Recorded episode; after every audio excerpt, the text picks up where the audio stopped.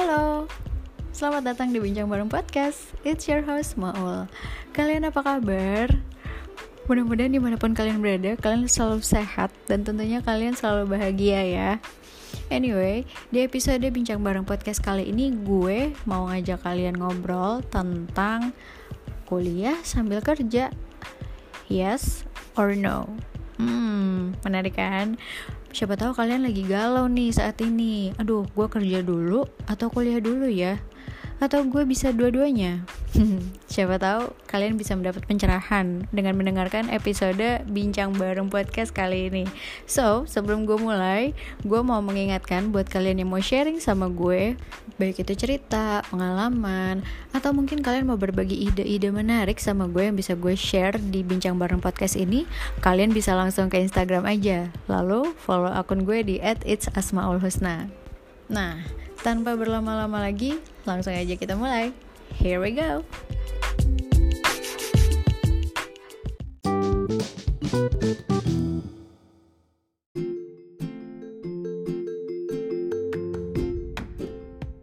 Jadi kuliah dulu atau kerja dulu?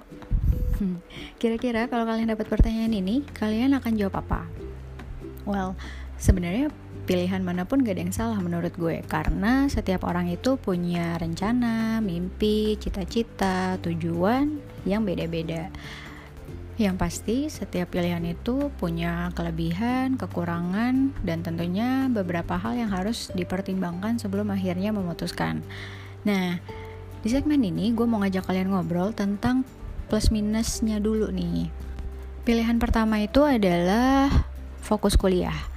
Menurut gue, kelebihan atau plusnya kalau kita fokus kuliah, yang jelas kita punya availability yang banyak untuk benar-benar bisa fokus belajar. Karena kita bisa datang ke kampus uh, tanpa harus terdistract sama kegiatan lain atau katakanlah kerja gitu ya. Dan itu menguntungkan karena lo bisa ngejar waktu atau target kuliah lo yang mungkin lo mau cepat lulus gitu dengan punya waktu yang banyak untuk fokus belajar gue yakin kalian bisa banget tuh menyelesaikan kuliah mungkin lebih cepat dari yang seharusnya. Nah kelebihan yang kedua menurut gue adalah kalian bisa mengerjakan atau melakukan banyak hal selama masa kuliah uh, atau bisa gue bilang menikmati masa kuliah dengan optimal. Ya eh, kegiatan-kegiatan yang gue maksud di sini adalah unit kegiatan mahasiswa atau mungkin kalau anak SMA SMP tuh nyebutnya ekstrakurikuler kali ya. Nah, terus juga ada mungkin program-program seperti pertukaran pelajar, terus mungkin ikutan olimpiade, terus apalagi ya? Oh, ya mungkin kalau lo penasaran gimana rasanya ikutan demo, mungkin bisa dicoba tuh. dan itu hanya bisa terjadi dan bisa lo lakukan dengan bebas dan tanpa terikat sama apa-apa ya kalau fokus kuliah aja gitu.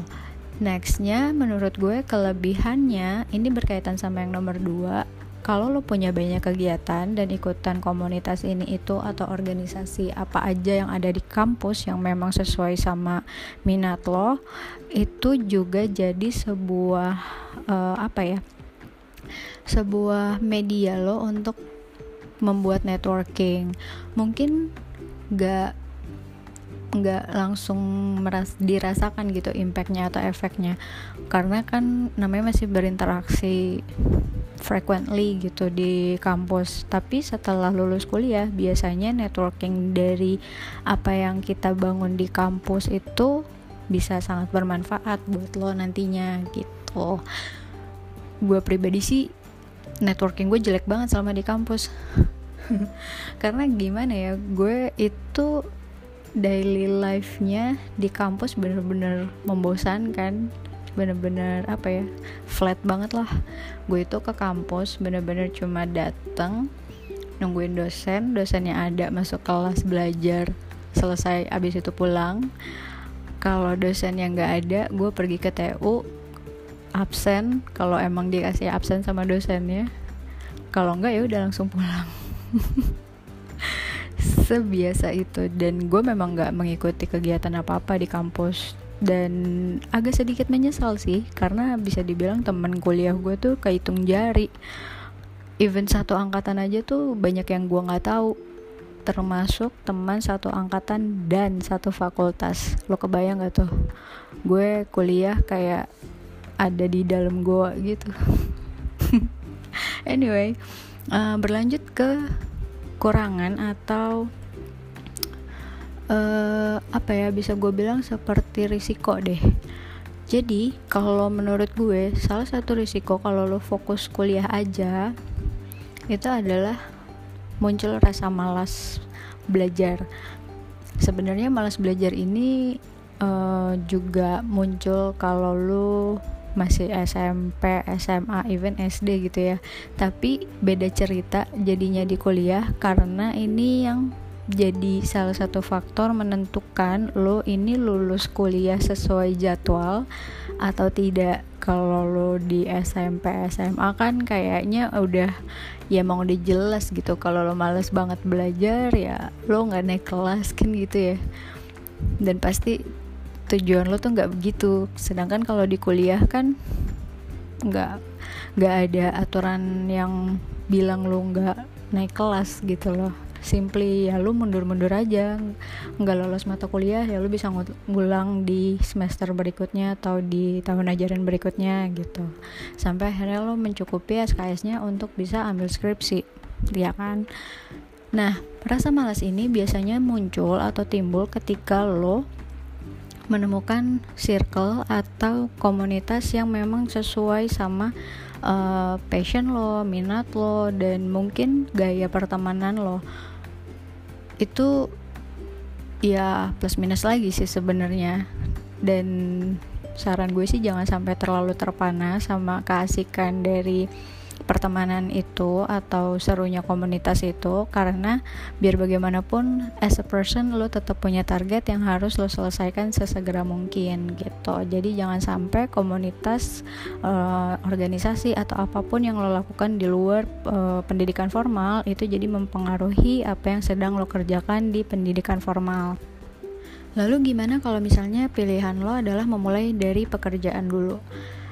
Uh, kalau misalnya mulainya di kerja dulu dan menunda kuliah, salah satu kelebihannya adalah yang pertama sudah jelas lo punya pendapatan atau penghasilan sendiri.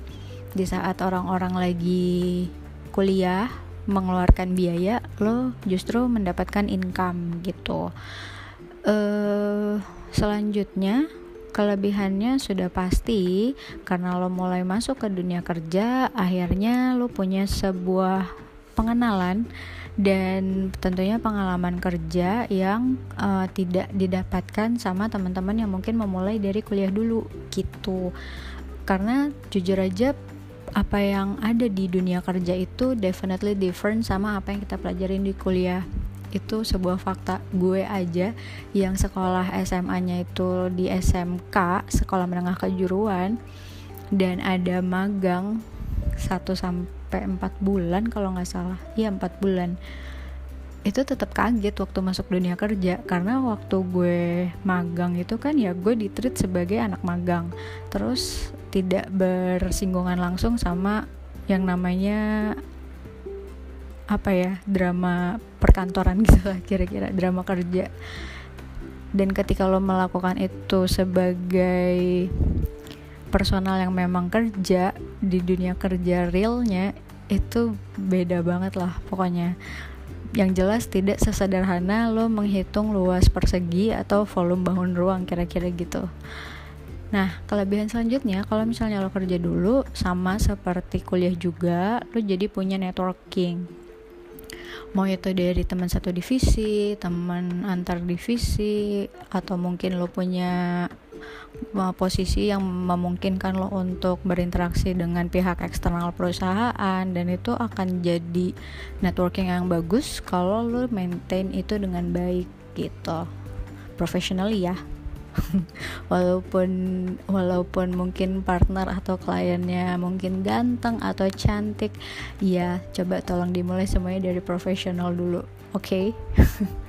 take note kalau kerja dulu uh, pastikan lu bekerja seprofesional mungkin nah Apakah kerja dulu itu tidak ada kekurangan? Jelas ada. Seperti yang sudah gue sebutkan di awal, setiap pilihan itu tentunya punya plus, minus, atau kelebihan maupun kekurangannya. Menurut gue, yang paling menjadi risiko besar atau apa ya, uh, efek yang kurang baik dari lo memulai kerja dulu itu adalah uh, ada potensi hilangnya keinginan untuk melanjutkan sekolah. Dan ini terjadi di dunia nyata di sekitar gue. Bahkan gue ngomong langsung sama orangnya uh, waktu itu gue pernah bilang sama orangnya lo udah kerja udah lumayan eh, nggak uh, mau lanjutin sekolah lagi baliklah. Terus jawabannya enggak ah bosen sekolah mulu dari SD sampai SMA 12 tahun. Lagian nggak pakai kuliah aja gue udah dapat kerja jadi ngapain kuliah lagi sebenarnya jawaban ini nggak salah.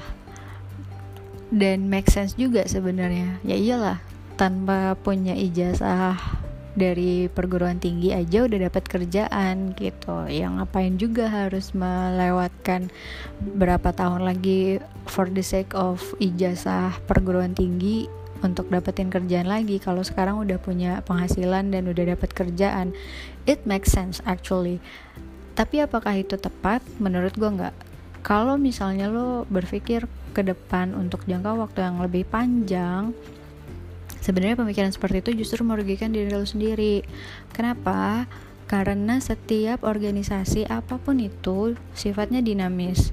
Uh, ada pergantian kemudian pembaruan budaya kerjanya budaya organisasinya kemudian prosedur dari perusahaan itu sendiri. Sekarang mungkin kita bisa diterima kerja tanpa ijazah dari salah satu perguruan tinggi. Apakah 2-3 tahun lagi masih bisa? Belum tentu. Kemudian kalau misalnya kita menuntut hak untuk mm, naik gaji gitu misalnya atau naik level atau minta dipromosikan itu kan juga pasti setiap perusahaan punya aturan kan gitu punya persyaratannya lagi ketika lo tidak melanjutkan kuliah sudahlah lo tidak menambah value lo untuk mendapatkan pendidikan formal yang lebih luas lagi. Lo juga melewatkan kesempatan untuk memberikan privilege sama diri lo untuk mengembangkan karir gitu loh jadi sebenarnya nggak ada yang salah. Walaupun misalnya nanti setelah lo lulus kuliah pada akhirnya lo memutuskan untuk gue mau make my make my own business. Nggak ada yang salah juga gitu loh. Mau itu bisnisnya jualan tahu mau itu jualan apa kopi nggak ada yang salah. Dan nggak ada sangkut pautnya sama wah sekolah tinggi tinggi ujung ujungnya jualan makanan. Nggak ada yang salah beneran deh gitu ya. Jadi siapa pun yang saat ini lagi galau dan mungkin lagi kerja dulu dan menunda kuliah terus punya pikiran seperti ini saran gue buru-buru deh diperbaiki dan mulai memandang ke depan. Jangan hanya berpikir saat ini aja, tapi pikirin juga masa depan lo 5 sampai 10 tahun mendatang. Gitu. Nah, jangan ke mana-mana, tetap di Bincang Bareng Podcast karena di segmen berikutnya gue akan membicarakan hal-hal yang harus kalian pertimbangkan sebelum memilih kuliah dulu, kerja dulu, atau melakukan keduanya. Dan tentunya gue juga akan ngobrol sama kalian tentang plus minus dari mengerjakan keduanya di saat yang bersamaan. So, stay tune.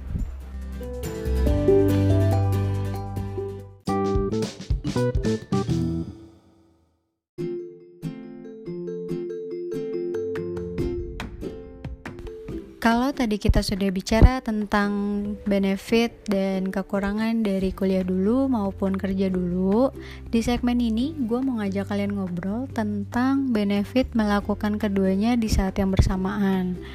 Nah, kalau kalian kuliah sambil kerja, benefit pertamanya itu sudah jelas kalian bisa membiayai kuliah kalian sendiri tanpa merepotkan orang tua.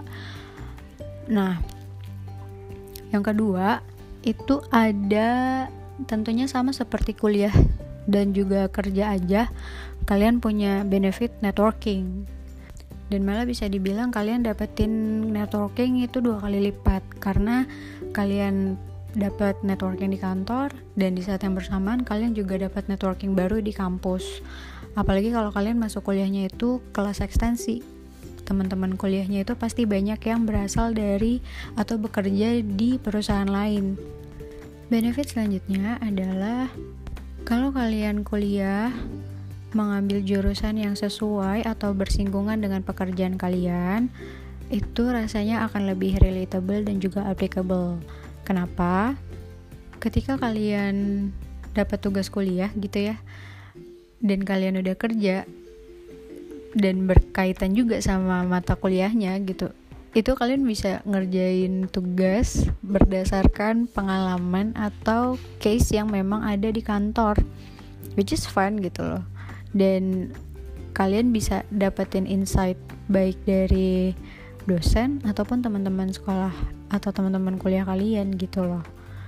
Dan hal yang serupa juga bisa diterapkan di kerjaan. Kalau misalnya kalian lagi punya isu sesuatu terus kalian baru belajar teorinya atau mungkin ada case yang baru di share sama dosen itu bisa jadi ide kalian lah untuk improvisasi di kantor. Kira-kira mau kayak gimana? Atau mungkin kalian jadi punya ide untuk bikin program apa gitu. Jadi itu salah satu benefitnya. Lalu kekurangannya atau challenge-nya kuliah sambil kerja itu apa? Yang pasti melelahkan. Karena kalau kalian kuliah sambil kerja itu kebayang dong kalian dari kantor harus ke kampus uh, menempuh perjalanan. Syukur-syukur kalau nggak macet tapi kalau macet kalian ngeliatin jam terus terus kejebak macet. Tiba-tiba uh, lo baru ingat kalau misalnya hari itu jadwalnya dosen yang killer yang gak bakalan ngasih lo masuk. Kalau lo terlambat even cuma satu menit gitu itu stres banget gitu. Itu baru di perjalanannya aja. Belum nanti sampai di kampusnya. Itu juga udah capek. Apalagi kalau misalnya di kantor lo habis mengalami tough day gitu ya.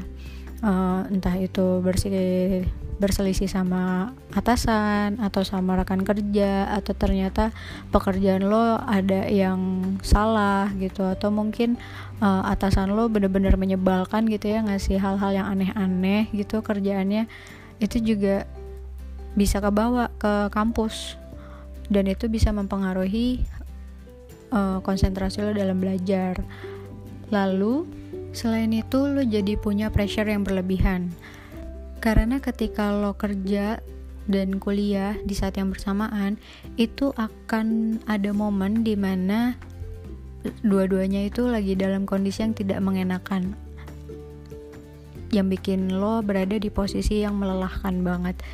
Jadi misalnya lo di kantor itu lagi punya banyak deadline terus lo punya event yang harus dikerjakan dengan due date yang benar-benar singkat dan pressure dari bos yang merasa harus pokoknya acara ini harus perfect. Belum lagi lo harus meeting sama klien sana sini terus kejar-kejaran waktu sama kuliah juga. Dan di waktu yang bersamaan ternyata di kampus itu lo lagi banyak banget tugas. Dari 7 mata kuliah katakanlah ada 4 mata kuliah yang punya tugas dan harus lo selesaikan di minggu itu juga. Belum lagi kalau misalnya ternyata udah menjelang UTS atau the worst lagi mau uas itu bisa terjadi di saat yang bersamaan dan percayalah itu bisa banget bikin kalian stres makanya Menjadi penting kalian punya supporting system yang baik dan juga suportif. Kenapa?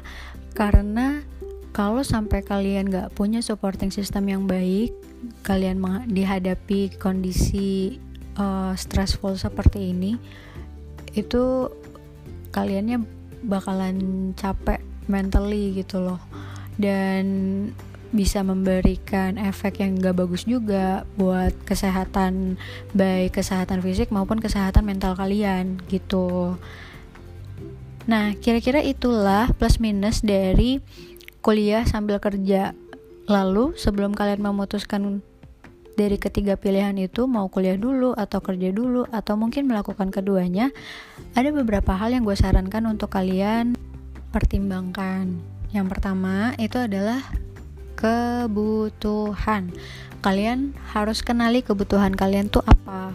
Apakah kalian butuh pendidikannya dulu secara optimal atau kalian butuh uh, uangnya dulu supaya kalian bisa ngedapetin pendidikannya atau kalian butuh uh, pengalaman menjalani keduanya. Itu kalian harus kenali dulu kebutuhan kalian apa. Kayak misalnya contohnya dream job kalian itu adalah jadi dokter. Gue rasa kalau kalian dream jobnya jadi dokter akan sangat baik dan lebih baik kalau kalian fokus kuliah dulu kan. Karena nggak gampang gitu loh. Gue ngeliat temen gue yang kuliah ilmu kedokteran dia pernah ngasih gue uh, ngasih lihat gue buku ensiklopedia anggota tubuh gitu ya. Dan dia bilang ini harus gue hafalin. Like what? I was like what? Really? Iya. Ya lu kebayang kan gitu. Maksudnya tang pergelangan eh pergelangan tangan telapak tangan aja tuh banyak gitu. Pas di lo bedah gitu ya isinya kan banyak. Uratnya kayak gim apa aja gitu kan. Terus tulangnya kan banyak banget gitu. Dan kalau lo sambil kerja gue nggak gue nggak tahu uh, karena gue pribadi nggak punya temen yang melakukan itu sambil kerja. Tapi yang jelas menurut gue kalau lo tujuannya adalah mencapai dream job lo yang memang membutuhkan pendidikan terlebih dahulu nah lo udah pasti tuh harus milih untuk kuliah dulu Hal selanjutnya yang perlu kalian pertimbangkan juga itu adalah kemampuan. Ketika gue bicara kemampuan, di sini yang gue maksud adalah kemampuan finansial. Bersyukur buat kalian yang punya orang tua sudah menyiapkan dana kuliah untuk kalian.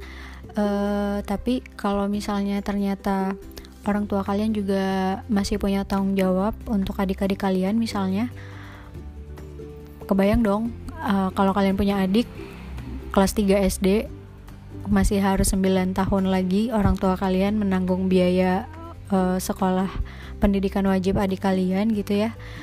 Dan bisa aja orang tua kalian mungkin meminta kalian untuk mengalah uh, either minta untuk postpone kuliahnya atau mungkin uh, minta dibantu itu wajar banget gitu. Sebagai sebagai anak yang sudah lebih dewasa gua rasa kalian tahulah harus bersikap seperti apa ketika orang tua kalian memang dihadapkan di posisi seperti itu.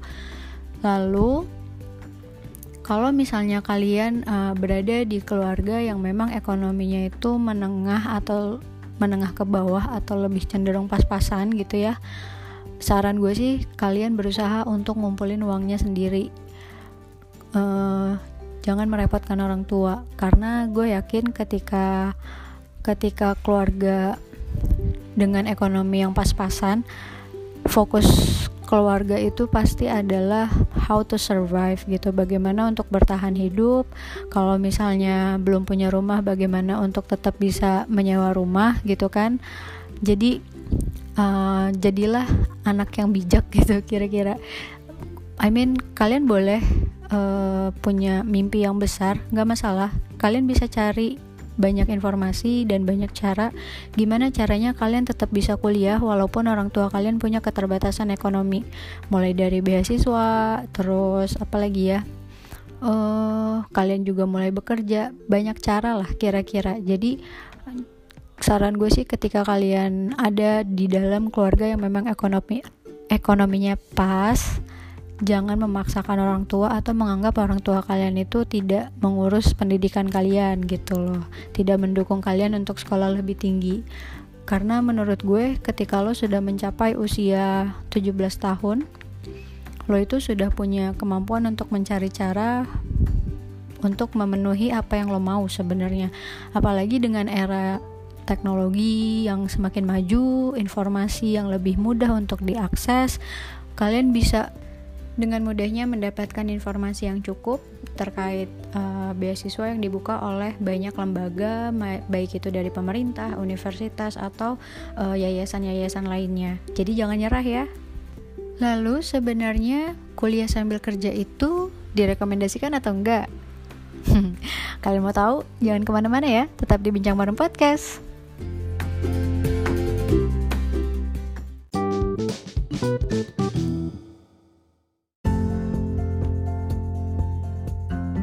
Jadi sebenarnya kuliah sambil kerja itu direkomendasikan atau enggak? Yes or no? Kalau kalian gimana? Kasih tahu gue ya. Well, kalau menurut gue pribadi, kuliah sambil kerja itu recommended. Uh, betul, memang akan jadi lebih capek, terus juga akan lebih gampang stres, pressure-nya banyak, bener banget, dan uh, challenge-nya juga banyak. Tapi karena itu semualah uh, terasa lebih worth it dan juga kalian bisa belajar banyak hal kalau dari pengalaman gue yang jelas lo ada rasa apa ya rasa bangga bangganya tuh gini ketika lo bisa membiayai kuliah lo sendiri uh, di saat yang bersamaan lo juga punya penghasilan untuk bisa mungkin bantu orang tua atau mungkin at least buat keperluan lo sendiri sehingga tidak lagi merepotkan orang tua. Tapi di saat yang bersamaan lo juga bisa lulus kuliah. Itu sebuah achievement sih menurut gue. Dan membanggakan lah pastinya. Kemudian uh, kalian juga belajar tentang manajemen waktu seperti yang tadi gue sudah sampaikan bahwa memang gak gampang kuliah sambil kerja itu apalagi kalau misalnya kalian kuliah dengan kampus yang tidak menyediakan kelas ekstensi dan kalian terpaksa untuk ambil kelas reguler yang jadwal pelajarannya tuh nggak nggak friendly lah untuk orang-orang bekerja. Karena ini gue mengalami sendiri gue harus kuliah di jam 10.45 siang terus gue harus balik lagi ke kantor jam 1 or at least jam setengah 2 siang udah ada lagi di kantor ngelanjutin kerjaan. Terus jam 7 malam gue udah harus ada di kampus lagi. It's exhausted actually. Tapi ya setelah melewatinya tuh ya biasa aja jadinya. Capek memang menjalaninya tuh capek. Tapi setelah itu lewat ya fine fine aja sih. Akhirnya lu juga deal with the situation juga gitu loh. Nah selain belajar manajemen waktu kita juga belajar untuk lebih bertanggung jawab. Maksudnya adalah ketika lo kuliah sambil kerja lo bertanggung jawab atas dua kegiatan yang menjadi bagian besar dalam hidup lo. Yang pertama, lo kerja. Karena lo digaji, lo bertanggung jawab untuk tetap menjalankan pekerjaan lo seperti seharusnya menyelesaikan deadline jika memang diminta, menyelesaikan job desk lo yang memang sudah jadi kewajiban, kemudian tetap diminta untuk lebih kreatif dan lain-lain. Dan kalau misalnya posisi kalian itu dituntut untuk dinas dan lain-lain, ya kalian juga harus prepare untuk itu. Kemudian di saat yang bersamaan dengan semua tuntutan yang ada di kantor, kalian juga harus tetap bertanggung jawab sama kuliah kalian uh, gue pernah ada di posisi merasa uh, gue kan kerja untuk kuliah ya jadi ya udah gue sacrifice aja dulu deh uh, kuliahnya gitu. Ngulang aja lagi nanti. Jangan sampai kayak gitu ya. Percaya deh itu merugikan kalian. Karena gue pernah ada di momen satu semester gue dapet eh semua untuk 8 mata kuliah. Kalian kebayang IP gue satu semester itu nol literally nol. Nggak ada bagus-bagusnya sama sekali. Nggak ada warna-warninya gitu. Bener-bener nggak ada variasi selain e e e e e e delapan mata kuliah.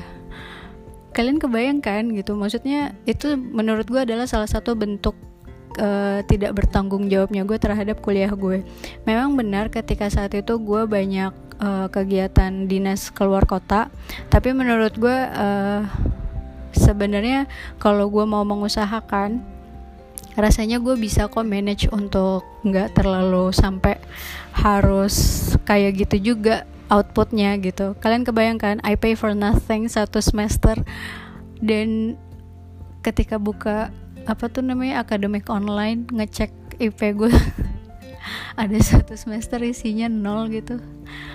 Kan gak enak ya sedih tau sekarang aja gue kalau inget tuh masih sedih dan menyesal gitu. Dan gue harap kalian tidak uh, mengalami hal yang serupa. Jadi kalau kalian merasa harus ada yang disacrifice uh, better diusahakan lagi lah supaya jangan jangan terlalu ada yang dikorbankan banget gitu.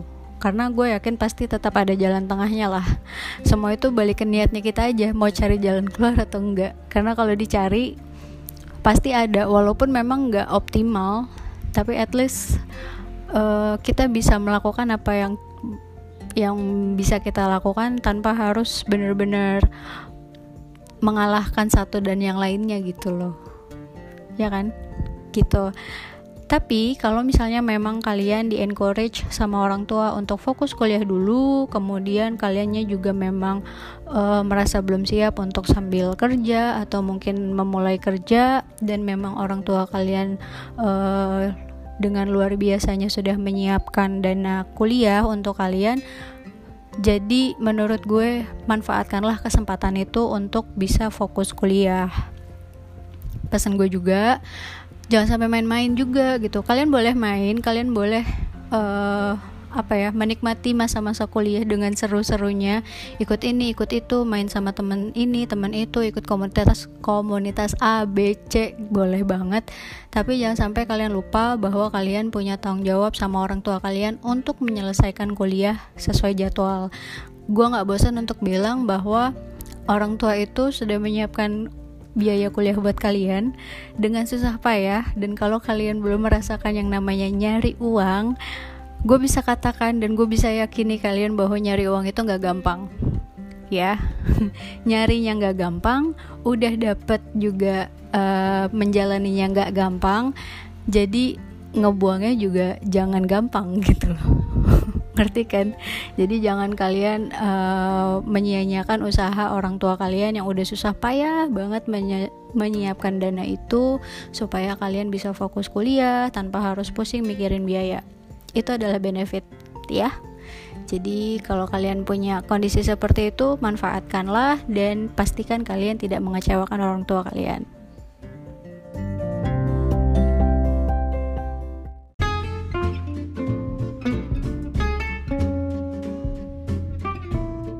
Terima kasih telah mendengarkan Bincang Bareng Podcast. I hope you enjoy it dan tentunya semoga apa yang disampaikan dapat bermanfaat untuk kalian. Sebelum gue mengakhiri perbincangan kita hari ini, tidak lupa gue mengingatkan agar kalian tetap menerapkan protokol kesehatan di mana pun kalian berada, khususnya jika kalian berada di luar rumah. Memakai masker, mencuci tangan pakai sabun atau menggunakan hand sanitizer, dan juga jangan lupa untuk menjaga jarak atau social distancing. Proteksi pribadi, jangan lupa untuk tetap minum vitamin, perbanyak minum air putih, dan istirahat yang cukup. Stay safe, stay healthy. Gue Maul, kita ketemu lagi di Bincang Bareng Podcast berikutnya. Sampai jumpa.